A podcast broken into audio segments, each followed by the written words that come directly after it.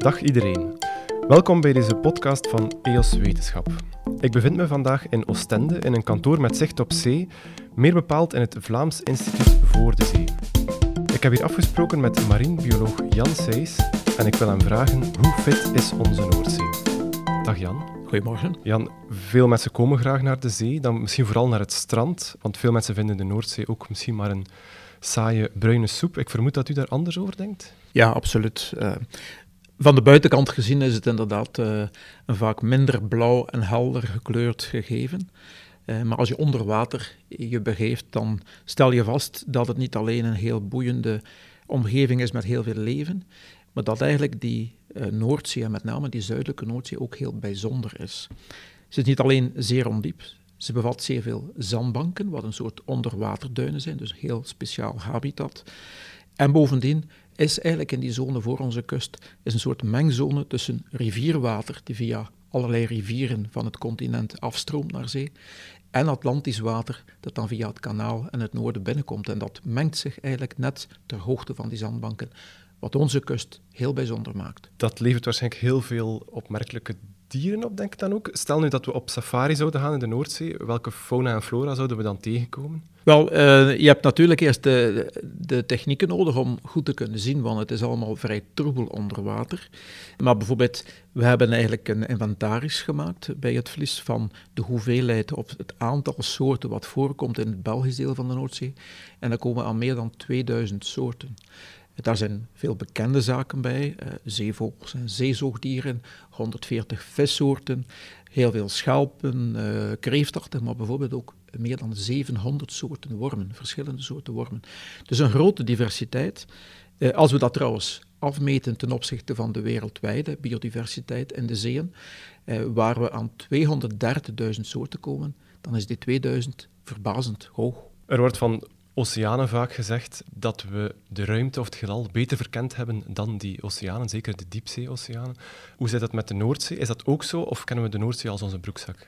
Dus wat de hele planeet betreft en het oceaangedeelte daar, dus twee derde van uh, onze planeet is ook diepzee, dus dieper dan een kilometer en daar weten we inderdaad nog behoorlijk weinig van.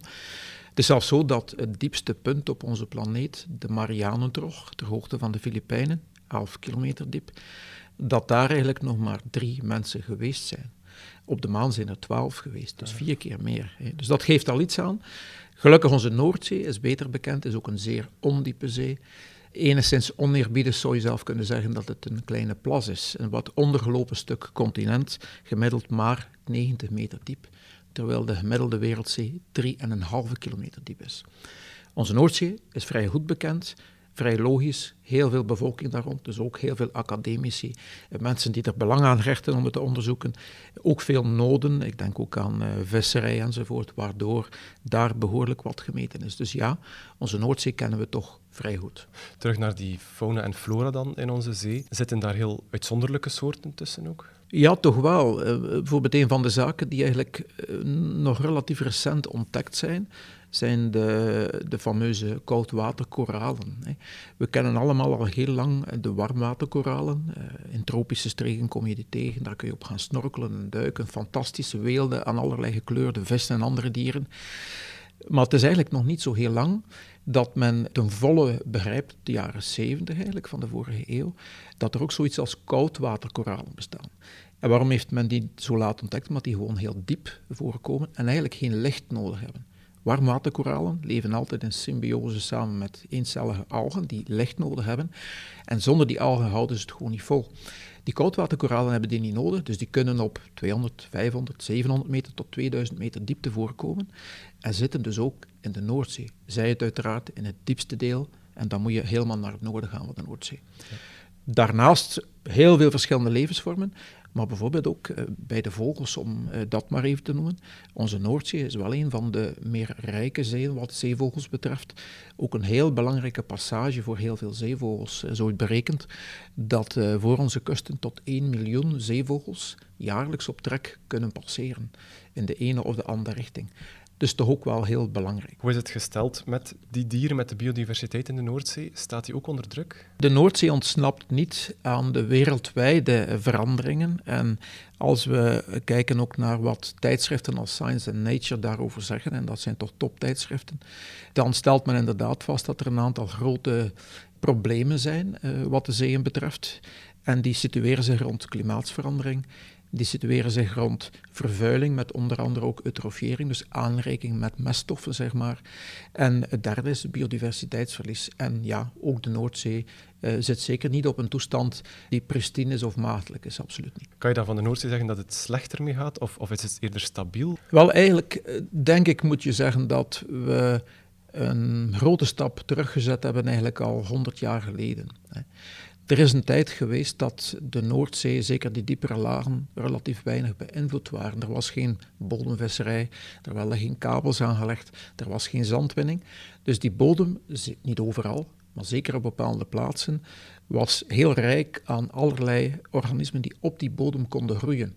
Uh, we hebben het dan over wilde oesterbanken, we hebben het over anemonen die daar op of tussen groeiden, mosdiertjes, kolonies van hydroïden, noem maar op. Dat moet een heel rijk landschap geweest zijn, wordt ook zo beschreven, eind 19e eeuw nog, in de laatste restanten. En ja, die zijn natuurlijk verdwenen. Ook de visbestanden, die zijn vandaag niet meer wat ze 100, 150 jaar geleden waren. Hè. We hebben natuurlijk de laatste jaren, de laatste tientallen jaren, wel werk gemaakt om dat sterk gedegenereerde systeem toch weer de goede weg op te krijgen. En daar lijkt het toch wel dat we eerder de goede weg op gaan weer. Dus we komen eigenlijk van ver, maar we leren er gelukkig uit. En uh, ook wat visserij betreft bijvoorbeeld zien we toch wel dat een aantal zaken geleidelijk aan, aan het herstellen zijn. Op het land hebben we beschermde natuurgebieden. Is dat in de Noordzee ook zo? Dus wereldwijd natuurlijk bestaan er marine beschermde gebieden. Uh, in vaktermen spreekt men dan van Marine Protected Areas, MPA's. Die bedekken, dacht ik, een kleine 5% intussen van heel het uh, areaal aan oceaan. Het streefdoel is eigenlijk om wereldwijd tegen 2030 geen 5%, maar 30% te halen. Dat zal niet gehaald worden, dat lijkt zo. Het goede nieuws is dat de Noordzee vandaag toch al aan 18% zit. Dus ze hebben ongeveer, de Noordzee heeft ongeveer 1500 van die marine beschermde gebieden. En dat komt ongeveer neer op 18% beschermd. België heeft zelf vandaag een beschermd oppervlak eh, in het deel van de Noordzee wat ze beheren van 30%. Dus wij halen eigenlijk al het cijfer. Alleen, we halen dat vooral op papier. Want natuurlijk, een gebied afbaken is één. Daar een gedegen beleid en uh, doen, wat ook betekent dat je bijvoorbeeld die zeebodem dan meer beschermt, dat is een ander paar mouwen. Ja. Waar situeren die gebieden zich nu in de Noordzee, onze natuurgebieden? Wel, onze natuurgebieden, dat zijn eigenlijk uh, een aantal Europees beschermde gebieden. Uh, die eigenlijk teruggaan op twee Europese rechtlijnen in grote lijnen. En dat is eigenlijk een vogelrechtlijn die al in de jaren 70 is uh, ingericht om net belangrijke gebieden voor vogels, dus ook voor zeevogels, te gaan vrijwaren. Daar hebben we er een drietal van voor onze kust. En we hebben dan ook wat men noemt habitatrichtlijngebieden. Dat zijn ook Europees beschermde gebieden die dan meer kijken naar het habitat, de leefomgeving. En waar bijvoorbeeld die vermengde oesterbedgronden van vroeger in zitten, eh, waar je dus eigenlijk die zeebodem probeert te herstellen.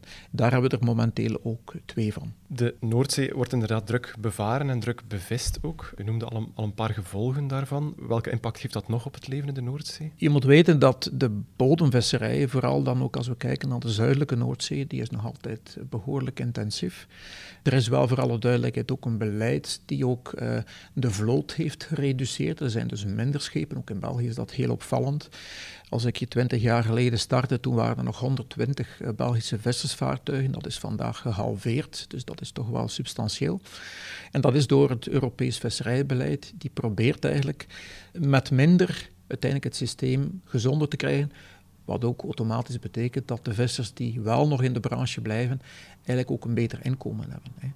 Dus er is daar wel wat uh, veranderd, uh, maar het is nog altijd bodemvisserij. En dat betekent natuurlijk dat die bodem gemiddeld gesproken, uh, ook voor ons deel van de Noordzee, één tot drie keer per jaar wordt omgewoeld. Dus als je het eigenlijk zou in een boetade vergelijken met een landsituatie, dan moet je stellen dat het nog altijd, een, die zeebodem is eigenlijk een natuurlijk systeem waar je het één tot drie keer per jaar met een ploeg over gaat. En dan zal iedereen heel snel begrijpen dat je daar geen bossen krijgt, eh, maar dat je daar eerder een soort ja, verakkerd systeem hebt eh, die zeker niet eh, optimaal is. Betekent dat dan dat onze visserij helemaal niet duurzaam is, dat we nog altijd de Noordzee aan het leegvissen zijn? Nee, toch niet. Ik moet zeggen, onze visserij, en dus ook uh, op Europees niveau, heeft echt wel stappen genomen uh, om een aantal zaken bij te sturen. De ene zijn succesrijker dan de andere. Als we het hebben eigenlijk over beperking van de brandstofverbruiken, uh, daar zijn zeker positieve maatregelen genomen, ook in België. Ook in het belang van de visser. Het is duidelijk, als je kunt een net gebruiken bij het vangen van vis met een halvering van de brandstofverbruiken, uh, dat dat uiteraard veel beter is voor de portemonnee. Dat is duidelijk gebeurd. Stokbeheer ook, dus de visbestanden. Vandaag zijn een, ja, een kleine 60 van de dikke 70 bestanden die opgevolgd worden in de Noordzee al binnen biologisch veilige grenzen. Dus dat is toch een positief verhaal. We komen uit een veel slechtere situatie. Uh, de enige grote uitzondering in de Noordzee daarop is eigenlijk de kabeljauw. De kabeljauw is ook een soort die heel gevoelig is voor de klimaatwijziging. En die combinatie die zet die vis nog altijd zeer zwaar onder druk. Uh, een aantal klimaatwetenschappers zeggen ook dat als we eigenlijk verder onze Noordzee opwarmen, die is vandaag al 1,7 graden warmer dan 80 jaar geleden, dat we, als we die verder opwarmen tot 4 graden meer, dan verliezen we de kabeljauw volledig uit de Noordzee. Waar we ook uh, gedeeltelijke winst gedaan hebben, is het bannen van discards. Het is zo dat, uh, zeker in die bodemvisserij, dat er heel veel bijvangst is. Eigenlijk zaken die je van die bodem in dat net mee opvist, maar die eigenlijk geen doelsoorten zijn of niet de juiste grootte hebben. Die werden overboord gegooid, die worden nog altijd voor een belangrijk deel overboord gegooid. Wat eigenlijk een verlies is, want, voor alle duidelijkheid, veel van dat leven sterft in dat net voor het terug overboord gaat. Dus het is niet zo dat je dat bij wijze van spreken opnieuw loslaat. Men heeft daar dus een discard ban ingesteld vanuit Europese beweegredenen, maar uh, die is toch moeilijk te implementeren, blijkt. Hè. Het is wel zo, men heeft bijvoorbeeld berekend dat als die helemaal zou doorgevoerd worden, dat we ook het leven in de Noordzee zullen zien veranderen. En dan heb ik het niet alleen over de impact op die visbestanden, maar bijvoorbeeld vandaag leven toch waarschijnlijk miljoenen zeevogels van die overboord gezette vis. Als dat wegvalt als een onnatuurlijke voedselbron, want uiteindelijk is dat een onnatuurlijke voedselbron, die vogels kunnen die zelf eh, die bepaalde soorten niet gaan opduiken, die zijn afhankelijk van die visserij dan gaan we inderdaad op termijn naar een mindere aantallen zeevogels in de grote orde van 2, 3 miljoen. Maar dan zijn er nu misschien wel te veel van die zeevogels. Wel, wat is te veel? Nu, het is ook logisch, die vogels, net als elke, elke vorm van leven, uh, is vaak geplafonneerd door de hoeveelheid voedsel die er is. En dat geldt uh, zeker ook voor vogels, inclusief voor meeuwen. Als die natuurlijk, uh, zoals bij de meeuwen, als we teruggaan naar de jaren 70, overal open huisvuil storten had, nog gevoederd werden op de zeedijken. En dan uh, als uh, klap op de vuurpijl ook nog bij een uitvarend visserschip kunnen zitten wachten tot er een aantal vissen overboord gaan. Een paar slokken en ze zijn goed voor de rest van de dag. Ja, dan maak je die dieren zeer gemakkelijk. Dus men schat dat voor een aantal van die vogelsoorten er inderdaad een zeer onnatuurlijke situatie was, met waarschijnlijk dubbel zo groot uh, bestanden als men eigenlijk van nature uit zou uh, verwachten. Goed, dat is een terugkeer naar een meer natuurlijke situatie, dus alleen positief. Is er echt een overschot aan meeuwen op dit moment? Wel, eh, we zijn eigenlijk al zwaar op de retour hoor. En het zal veel mensen verwonderen, maar als je echt de cijfers erbij neemt, bijvoorbeeld voor Noordwest-Europa, dan kun je alleen maar vaststellen dat de broedbestanden voor een soort als de zilvermeeuwen, dat is vaak de probleemsoort, omdat hij ook op daken broedt en steden enzovoort, vuilniszakken kan opentrekken, zelf ijsjes uit de handen van kinderen neemt blijkt ook een zeer klein percentage van meeuwen te zijn die dat doet. Wel, als je dan kijkt naar die bestanden, die zijn heel zwaar al over de top heen. Uh, hun grote top lag eigenlijk in de jaren 70, iets later. En elk van die meeuwen doet het vandaag eigenlijk slechter dan voorheen. Terug naar de visserij dan. Hoeveel mag er nu opgevist worden en wie bepaalt dat? Ja, het is eigenlijk een systeem dat uitgaat van wetenschappelijke bemonsteringen. Dus uh, instituten die daarvoor aangesteld zijn. Hier in Vlaanderen is dat het Instituut voor Landbouw en Visserijonderzoek, ILVO. En in andere landen zijn dat andere instellingen. Die gaan eigenlijk regelmatig bestandsopnames doen. Dus die gaan vissen, die gaan er allemaal heel mooi noteren. En op basis daarvan, die data gaan naar ICES, wat een instantie is die eigenlijk kijkt naar uh, visserij op een wetenschappelijke manier in de Noordoost-Atlantische wateren. En op basis daarvan, die gaan een advies uitbrengen elk jaar, hoeveel er zou volgens hen mogen gevest worden in het daaropvolgende jaar. Dan gaat dat naar de Raad van Ministers en wordt dat eigenlijk op een politiek niveau uiteindelijk uh, afgeklopt. Wat meestal betekent dat er uiteraard minder strenge maatregelen volgen. Ja, dat zorgt ervoor dat het minder uh, snel verandert en verbetert. Maar opnieuw, als we kijken wat in de Noordzee gerealiseerd is, dan stel je toch vast dat we de goede weg op gaan. Dat de Noordzeeboot vandaag het vele malen beter doet dan zeeën als de Middellandse Zee of de Zwarte Zee, die wel nog heel zwaar overbevest zijn. En dat is ook wel belangrijk om te weten, eh, ook in het debat van als we dan zelf vis consumeren, eh, waar halen we dan die vis? Wel, vandaag van de Belgische visconsumptie komt maar 10% eigenlijk van onze eigen vissers. De rest wordt ingevoerd. En van die 10% die voor een deel uit die Noordzee komen, weten we toch wel dat daar een behoorlijk deel op een duurzame manier, relatief duurzaam, als we kijken naar stokbestanden, wordt opgevist. Gaan we het eigenlijk halen uit vis die geïmporteerd wordt, dan is het vaak een veel schimmiger zone waar je veel minder zekerheid hebt over hoe het allemaal tot stand gekomen is. Raad je mensen dan aan, die nog, mensen die nog vis willen eten, dan aan om te kijken naar het label Belgische vis? Wel, we raden inderdaad mensen aan om te kijken naar labels in het algemeen lokaal gevangen vis is in die zin inderdaad eh, bespaart ook voedselkilometers enzovoort. Uh, inderdaad vaak betrouwbaarder. Uh, anderzijds natuurlijk bestaan er labels als een MSC, een Marine Stewardship Council label, het bestaat ook voor de aquacultuur, ASC, wat vergelijkbaar is met het FSC-label bij hout. Hè. Als je wel dus duurzaam consumeren, dan is het inderdaad verstandig om die labels te volgen. Iets anders dan, de Noordzee, onze Noordzee is bruin of groen. Heeft dat iets met vervuiling te maken? Nee, helemaal niet. Het is een klassiek misverstand en we vergelijken dan graag met de Middellandse Zee. Die ziet er zo stralend blauw uit daar. Dat is prachtig natuurlijk. Eh, de Middellandse Zee is meer vervuild dan de Noordzee. De Noordzee is gewoon zo bruin, eigenlijk door zijn typische kenmerken. En dat betekent kenmerken, een ingesloten zee met grote getijverschillen, dus sterke stromingen, met een zandige bodem die gemakkelijk opwarrelt en dus die combinatie stroming, grote uh, hoeveelheden zand en slip zorgt natuurlijk voor dat troebele bruine water. Waar het vaak uh, ja, nauwelijks 5 centimeter voor uh, de duikbril uitkijken is. De kleur wijst dus niet op vervuiling, maar hoe proper of hoe vervuild is onze Noordzee? Dat is een, dat is een hele moeilijke vraag. Het lijkt heel simpel, omdat natuurlijk alles afhangt van welke vervuilende stof je bekijkt. En eigenlijk is het verhaal het is een continu proces. Ook in het verleden waren er uiteraard vervuilende stoffen en dat verschuist. Bepaalde zaken die ooit problematisch waren, zijn intussen voor een belangrijk deel opgelost. Andere zaken zijn dat nog niet, of je zit met historische vervuilingen die moeilijk weggeraken en er komen ook constant nieuwe stoffen bij. Als we even kijken naar onze Noordzee, dan zijn bijvoorbeeld heel positieve verhalen, en dat komt misschien wel te weinig in de media, is dat eigenlijk een belangrijk deel van het olievervuilingsprobleem op onze Noordzee is opgelost. Uh, de cijfers tonen heel duidelijk dat we eigenlijk uit de jaren 60 komen toen quasi 100% trefkans op olievlekken was in het Belgisch deel van de Noordzee. En vandaag hebben we de target van 10%, daar zitten we al zwaar onder. Hoe komt dat? Wel, dat komt eigenlijk omdat je uh, mensen vinden het natuurlijk niet kunnen dat je bij een doordeweekse winterwandeling op het strand telkens in uh, van die olievlekken terechtkomt en met je schoenen in die teer gaat staan. Dus er ontstaat een verontwaardiging. Dat vertaalt zich finaal in beleid, in het bouwen van havenontvangstinstallaties voor olie, in het beter controleren, in het dubbelwandig maken van tankers, in het desnoods beboeten van uh, hardleerse overtreders. En uiteindelijk zie je dat na verloop van tijd, en dat duurt soms wel wat, dat je inderdaad resultaten resulteert. Hetzelfde verhaal voor bijvoorbeeld TBT, tributyltin, is eigenlijk een, een metaal die in scheepsverven verwerkt is tientallen jaren lang. Waarom? Omdat het vermijdt dat scheepsrompen onder water gaan begroeien met wieren en mosselen en allerlei organismen die daar niet thuis horen. Uh, want natuurlijk, hoe meer er op die romp groeit, hoe meer weerstand, hoe hoger het brandstofverbruik. Dus niet wenselijk.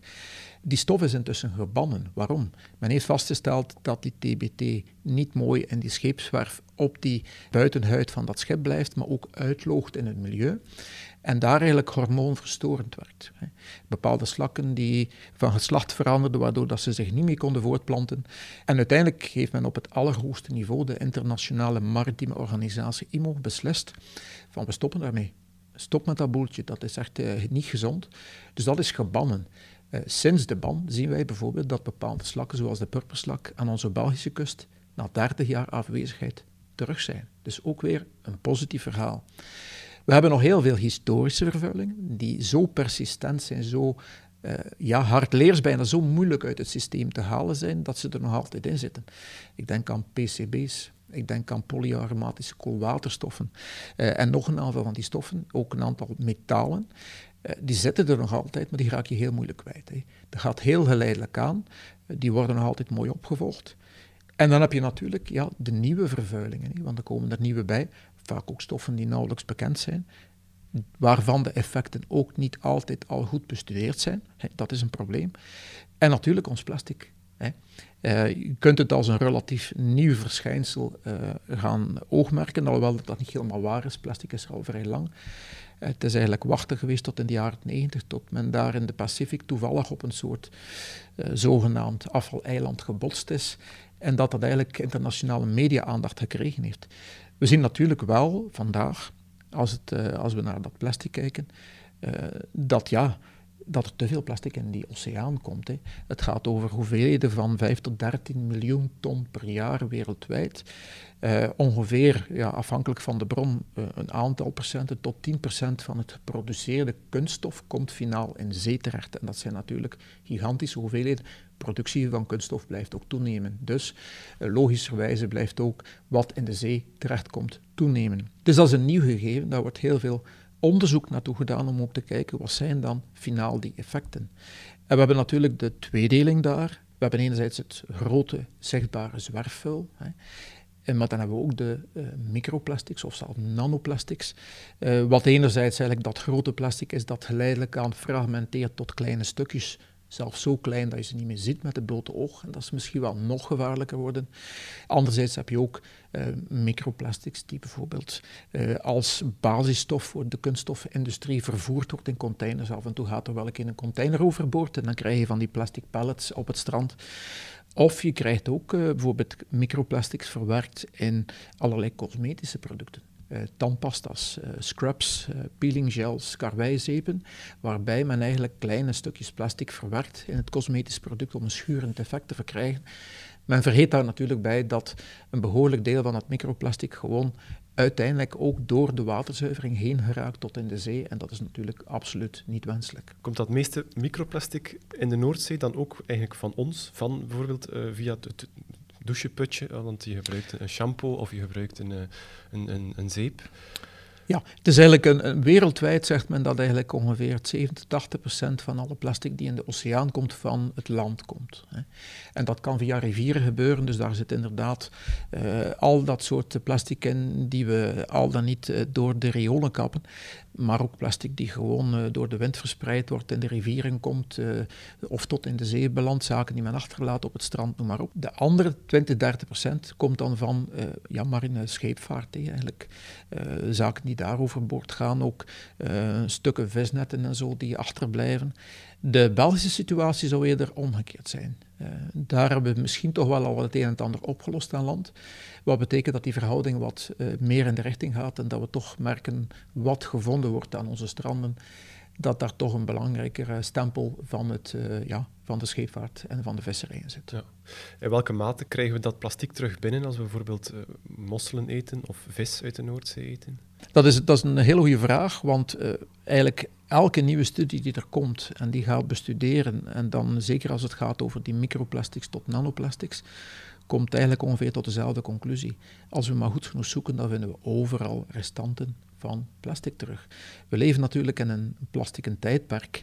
Uh, het plastoceen, zoals men soms wel zegt. Uh, alles wat je rond je bekijkt is ongeveer uh, minstens deels van kunststof gemaakt. Alles slijt ook. Hè. Ook als je met je wagen rijdt en je krijgt een remspoor, ja, dat is rubber natuurlijk, dat is kunststof. Dat is stof ook, dat gaat ook niet mooi daar op die weg blijven, dat gaat zich verspreiden. Dus op zich is het niet verwonderlijk dat als men drinkwater gaat bekijken, als men bier analyseert, als men mosselen analyseert, garnalen, noem maar op, dat men overal uiteindelijk kleine restanten gaat vinden van het plastic. Ja. Het zit overal. Mhm. En wat zijn de gevolgen dan voor, voor wij die ervan eten? Ja, dat is ook een, een hele terechte vraag, want men heeft een tijdje gedacht dat daar uh, één belangrijk probleem ook zich kon stellen.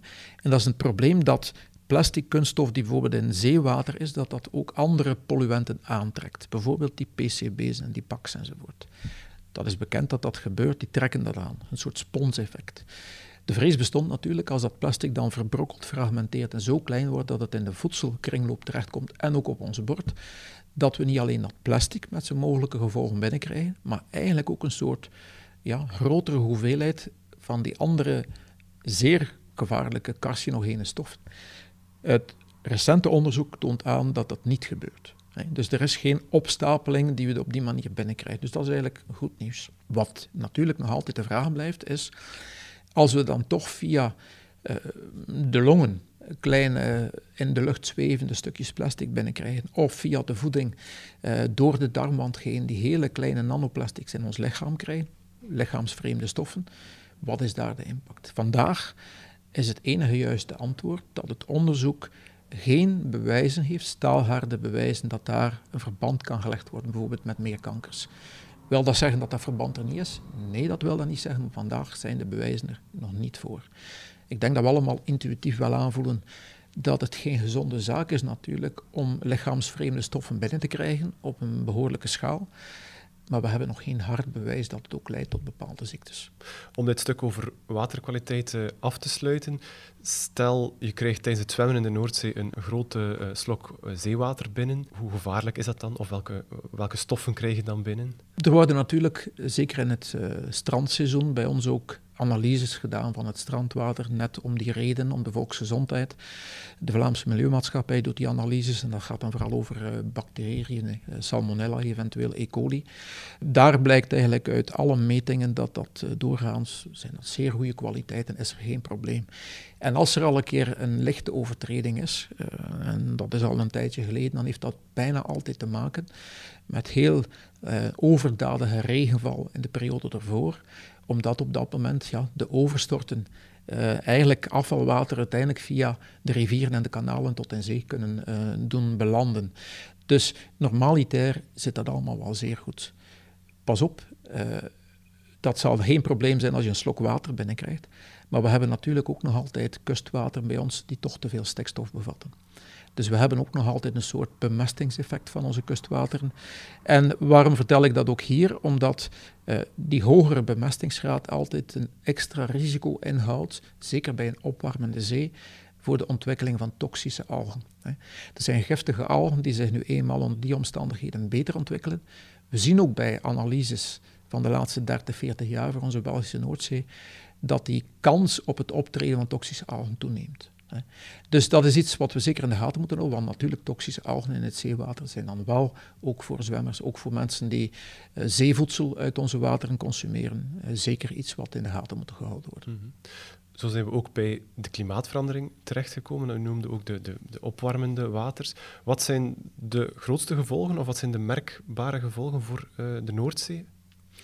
De Noordzee is vandaag fundamenteel veranderd ten opzichte van 30 jaar geleden. En een van de belangrijkste drivers daarin is de klimaatwijziging. Je ziet het op het eerste zicht niet, want inderdaad, als je op het oppervlak van die zee staart, dan valt dat niet zo op. Maar eh, als je een studie maakt van wat er allemaal onder water gebeurt, en je kunt datzelfde doen voor alle Europese zeeën, hebben we ook ooit gedaan, dan stel je overal dezelfde zaken vast. Eén, je krijgt eigenlijk een poolwaartse verschuiving van soorten. Heel logisch. Uh, hun temperatuursoptimum ligt natuurlijk, uh, verschuift mee. Hè. Dus een kabeljauw die plots vindt dat het te warm wordt in die Noordzee, die trekt noordwaarts. Tot hij niet verder mee kan natuurlijk. Hè. En daar zit ook het probleem. Anderzijds krijgen we natuurlijk in de plaats daarvoor zuidelijke soorten die het plots in de Noordzee wel naar een zin vinden. Er is ooit een studie gebeurd ook die voor de Noordzee gekeken heeft naar een dertigtal commerciële en andere vissoorten en vaststelde dat in de laatste twintig jaar twee derde van die vissoorten noordwaarts gemigreerd waren onder invloed van die opwarming uh, van 50 tot 400 kilometer. Dus het is bezig. Het sluipt geleidelijk aan weg en in de plaats krijgen we meer zeebaars, meer inktvissen. Zelfs sardinen en ansjovis in de Noordzee zitten er vandaag. Ook kleine pietermannen. Giftige visjes die nu vijf keer talrijker zijn dan twintig jaar geleden in onze kustwateren. En uiteraard, dat is iets waar we beter op letten als we gaan pootje baden. Verschillende vissoorten trekken weg, andere komen in de plaats. Welke gevolgen heeft dat voor de visserij? Wel, de visserij is natuurlijk ook een, een, een traditioneel gegeven die ehm, die ook bepaalde gewoontes geeft en die je zomaar niet uh, die hele transitie heel snel kunt laten maken. Hè. Dus het betekent zeker dat er op termijn een evolutie zal moeten zijn binnen de visserij om zich aan te passen. De Belgische visserij heeft dan wel iets uh, heel typisch ook, dat, dat ze historisch gezien ook vrij verre gronden opzoeken. Uh, door Bankierse Zee tot de Golf van Biscaye. Dus ze zijn in die zin misschien minder gevoelig. Anderzijds, bijvoorbeeld voor een belangrijk zitten ze ook in, uh, in Engelse wateren, wat met de brexit natuurlijk wel een grote bezorgdheid is.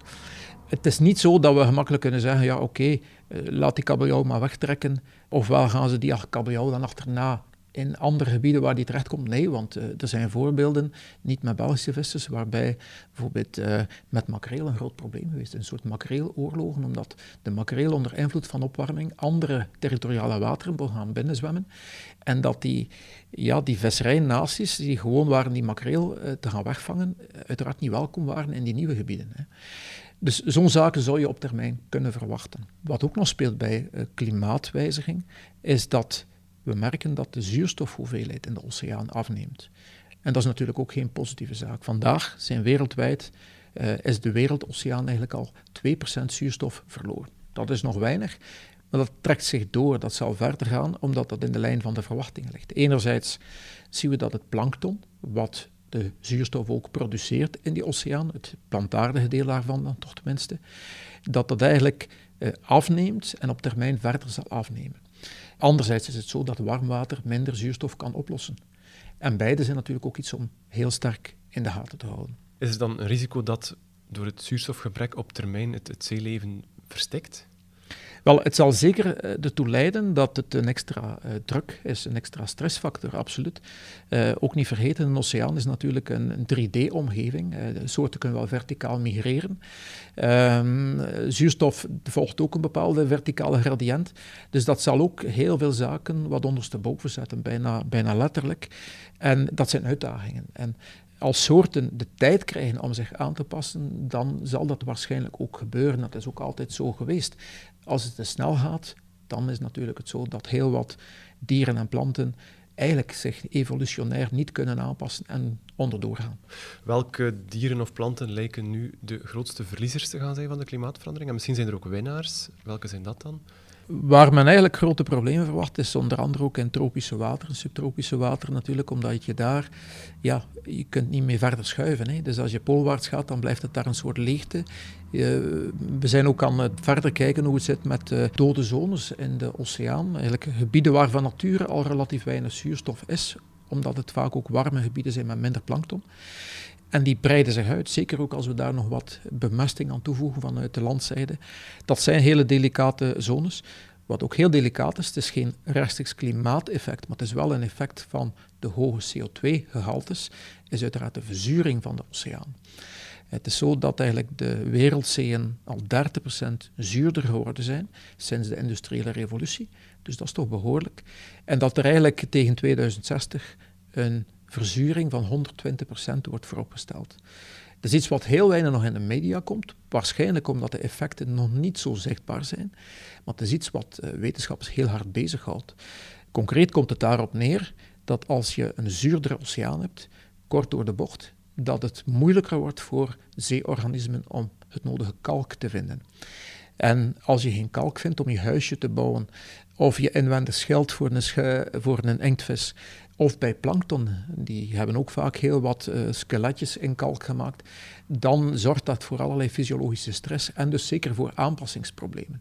Men schat dat ongeveer de helft van alle uh, oceaanorganismen mogelijk problemen zal, zal kunnen krijgen met verzuring van de zee. Hoe kan je, om, om dit nu te besluiten, afronden van hoe fit is onze Noordzee? Eerder goed, eerder slecht?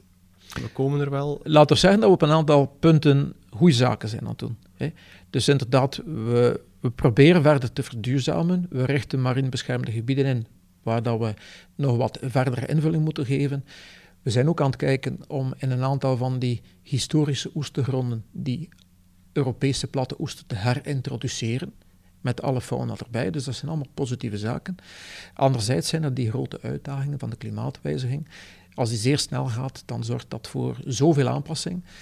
Dat ook trouwens bijvoorbeeld de beschermde gebieden die je aflijnt omwille van bepaalde natuurwaarden, dat die ja, misschien riskeren ze al op de verkeerde plaats te liggen, omdat alles zo snel schuift. Dus klimaat, eh, opwarming, annex verzuring zijn zeker grote uitdagingen. We hebben ook nog altijd de vermesting van onze zeeën niet opgelost. En we zitten natuurlijk ook nog altijd met een aantal historische vervuilingen en nieuwe polluenten die erbij komen. Dus het blijft een gemengd verhaal, een uitdagend verhaal. We mogen zeker niet lak zijn.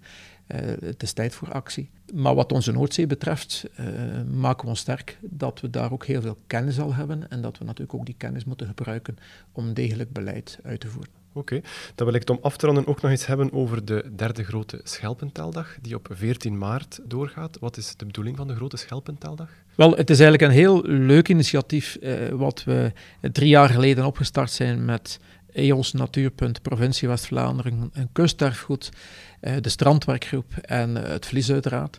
En eh, het idee is eigenlijk om enerzijds data, wetenschappelijke data te verzamelen over de zee.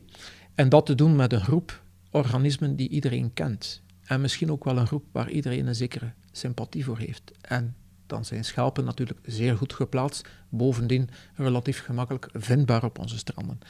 Het tweede doel is ook om toch een soort draagvlak te creëren. Onze zeeën staan inderdaad onder een bepaalde druk. Het is belangrijk dat het publiek ook meedenkt en meevoelt daarmee, mee in het debat gaat. En dan is het heel nuttig dat je hen naar aanleiding van bepaalde evenementen mee het strand opsleept en eigenlijk in dat verhaal eh, mee onderdompelt. En dat doet de Grote Schelpentaaldag. Wat hopen jullie ook te leren als wetenschappers uit de Schelpentaaldag? Wel, als wij drie jaar geleden starten, dan was er eigenlijk niemand die kon een antwoord geven op die relatief simpele vraag van geef mij de top 10 van de meest talrijke schelpen die je op het strand kunt vinden. Er was enig zicht van dat zal misschien wel die zijn, maar echt niemand kon dat met zekerheid zeggen. Vandaag weten we natuurlijk na twee edities perfect dat die top 5 soorten, dat, dat de kokkel, het nonnetje, de mossel, uh, de Amerikaanse zwaardschede, een exoot trouwens, en de halfgeknotte strandschelp is. En, maar we willen nog bijleren. Hè. We hebben ook geleerd in die twee edities dat van alle schelpen die je vindt, dat er ongeveer 40% eigenlijk niet uh, afkomstig is van schelpen die bij wijze van spreken kort daarvoor zijn gestorven op volle zee en waarvan het huisje is aangespoeld, maar dat die eigenlijk nog restanten zijn uit een veel verder verleden, dus fossiel zijn of subfossiel. 40% betekent dat er nog altijd 60% van hedendaagse schelpen zijn. We hebben ook gezien dat er verschillen zijn, duidelijke verschillen tussen onze west- en onze oostkust. We hebben maar 65 kilometer kust, maar toch zien we merkbare verschillen, bepaalde soorten die duidelijk meer aan de oostkant of de westkant voorkomen. En deze editie, 14 maart 2020, gaan we ook wel een keer kijken of we een effect zien van de stormen. We hebben eigenlijk ongeveer de handse maand, in februari alvast, heel veel stormweer gekend. Gaan we daar iets van terugzien? Hè? En de eerste vraag, in het aantal soorten wat we vinden, in de talrijkheid van de soorten, in de verhoudingen tussen de soorten. Maar we gaan ook iets extra doen, en dat heeft eigenlijk te maken met de verhouding tussen eh, linker- en rechter schelphelften. Uh, het is namelijk zo, uh, spijts wat men misschien intuïtief zou aanvoelen, uh, dat van een tweeklepper schelpdier je op bepaalde stranden niet evenveel linker- als rechterschelpen vindt. Wat heel logisch zou zijn. En dat heeft kennelijk te maken met de invloed van golfslag en stroming op die toch altijd lichtjes verschillende schelphelften. Wat zorgt voor een soort sortering. En het interessante is dus wetenschappelijk aangetoond in andere landen, maar het is nog nooit in België gedaan. Eh, trouwens, de meeste studies zijn eerder oud. Eh, en wij vinden het eigenlijk wel een heel leuk gegeven, zeker na al die stormen, om even te kijken. Als we dan die kokkelschelpen vinden, vinden we dan 50-50 procent? Of vinden we andere verhoudingen? Misschien komen daar zeer interessante resultaten. Misschien verschillen die ook weer voor West- en Oostkust. Dus we zijn zelf heel erg benieuwd. Ja, ik ook. hoe rijk of hoe arm zijn onze schelpdieren, of ons schelpdierenbestand eigenlijk aan de Noordzee? Wel, het schelpdierenbestand in de Noordzee is vrij rijk. Eh, we vinden behoorlijk wat soorten. Als we gewoon op het strand kijken en daar uh, zoveel mogelijk verschillende soorten proberen te verzamelen, dan kunnen we meer dan 100 verschillende schelpen vinden. Bij de schelpenteldagen komen we standaard uh, per editie aan meer dan 50 soorten. Dus dat is behoorlijk wat. Dus je kunt inderdaad zeggen dat onze Noordzee toch wel wat schelpdieren uh, te tonen heeft. Het leuke is ook dat we hier heel gemakkelijk toegankelijke zandstranden hebben. En dat het, dit ook het verzamelen van die schelpen wel gemakkelijker maakt. Dus dat is ook wel belangrijk. Als je op een rotskust bent bijvoorbeeld en zou een schelpenteldag doen, dan wordt dat toch wel een heel stuk moeilijker. Bij ons is alles heel toegankelijk en heb je een vrij grote zekerheid dat je daar toch een mooie variatie aan hele uh, leuk gekleurde grote en kleine exemplaren kunt vinden. Voor veel strandbezoekers zijn schelpen schelpen. Uh, waarom zou je mensen toch aanraden om wat meer aandacht te hebben voor, schelpen en de verschillende soorten? Maar die, die schelp staat eigenlijk een beetje, een beetje de mascotte voor het leven van de zee. En eh, schelpen zijn er in vormen en kleuren, geribbeld of glad, noem maar op. En het, door er beter naar te kijken, eh, krijgt men er meer aandacht voor, wat men niet opmerkt, gaat men ook niet appreciëren. En dus wij vragen eigenlijk bijzondere aandacht. We laten mensen ook niet alleen schelpen verzamelen en tellen, maar ook herkennen. En op die manier leren ze er met een ander oog naartoe kijken. En bijna automatisch krijgen ze een, meer uh, waardering ook voor dat leven. En gaan ze dus waarschijnlijk, ook als het dan finaal aankomt, op die zee op een duurzame manier gaan beheren, gaan ze dan ook een stem uh, gemakkelijker laten luiden. Heb je zelf tips voor mensen die op schelpenjacht willen gaan? Jazeker. In de eerste plaats, geniet er vooral van. Hè. Uh, het is, ongetwijfeld zal het een hele mooie dag zijn. En twee, als je dan toch wel dat ook wij als wetenschappers die gegevens kunnen gebruiken, dat die zinvol zijn, volg dan de methodologie. Uh, want wij willen natuurlijk uh, weten wat er aan schelpen aanwezig is op een niet beïnvloede manier. Als we iedereen het strand opsturen en die verzamelt wat de persoon in kwestie het leukste, het mooiste, het grootste enzovoort vindt, dan hebben we geen objectief staal. wat vragen we aan de mensen? Ga naar het strand. Uh, plaats in die vloedlijn waar de meeste schelpen liggen een soort stokje of iets anders. En ga dan spiraalsgewijs vanaf dat stokje steeds verder weg terwijl je 100 schelpen verzamelt. Op die manier heb je dus een niet gebiased staal van 100 schelpen waar ook wetenschappers mee aan de slag kunnen. Oké, okay, dank u wel dan voor al uw antwoorden. Dan kunnen wij met z'n allen op schelpenjacht. Iedereen is natuurlijk welkom op de grote schelpenteldag op 14 maart. Meer informatie daarover vind je op www.iedereenwetenschapper.be. Ik wil u, Jan Seys, bedanken voor de vele interessante antwoorden. Jullie luisteraars, bedankt voor het luisteren. Als je op de hoogte wil blijven van komende afleveringen, abonneer je dan op deze podcast of op onze nieuwsbrief. Of hou onze website www.eoswetenschap.eu in de gaten. Tot een volgende aflevering.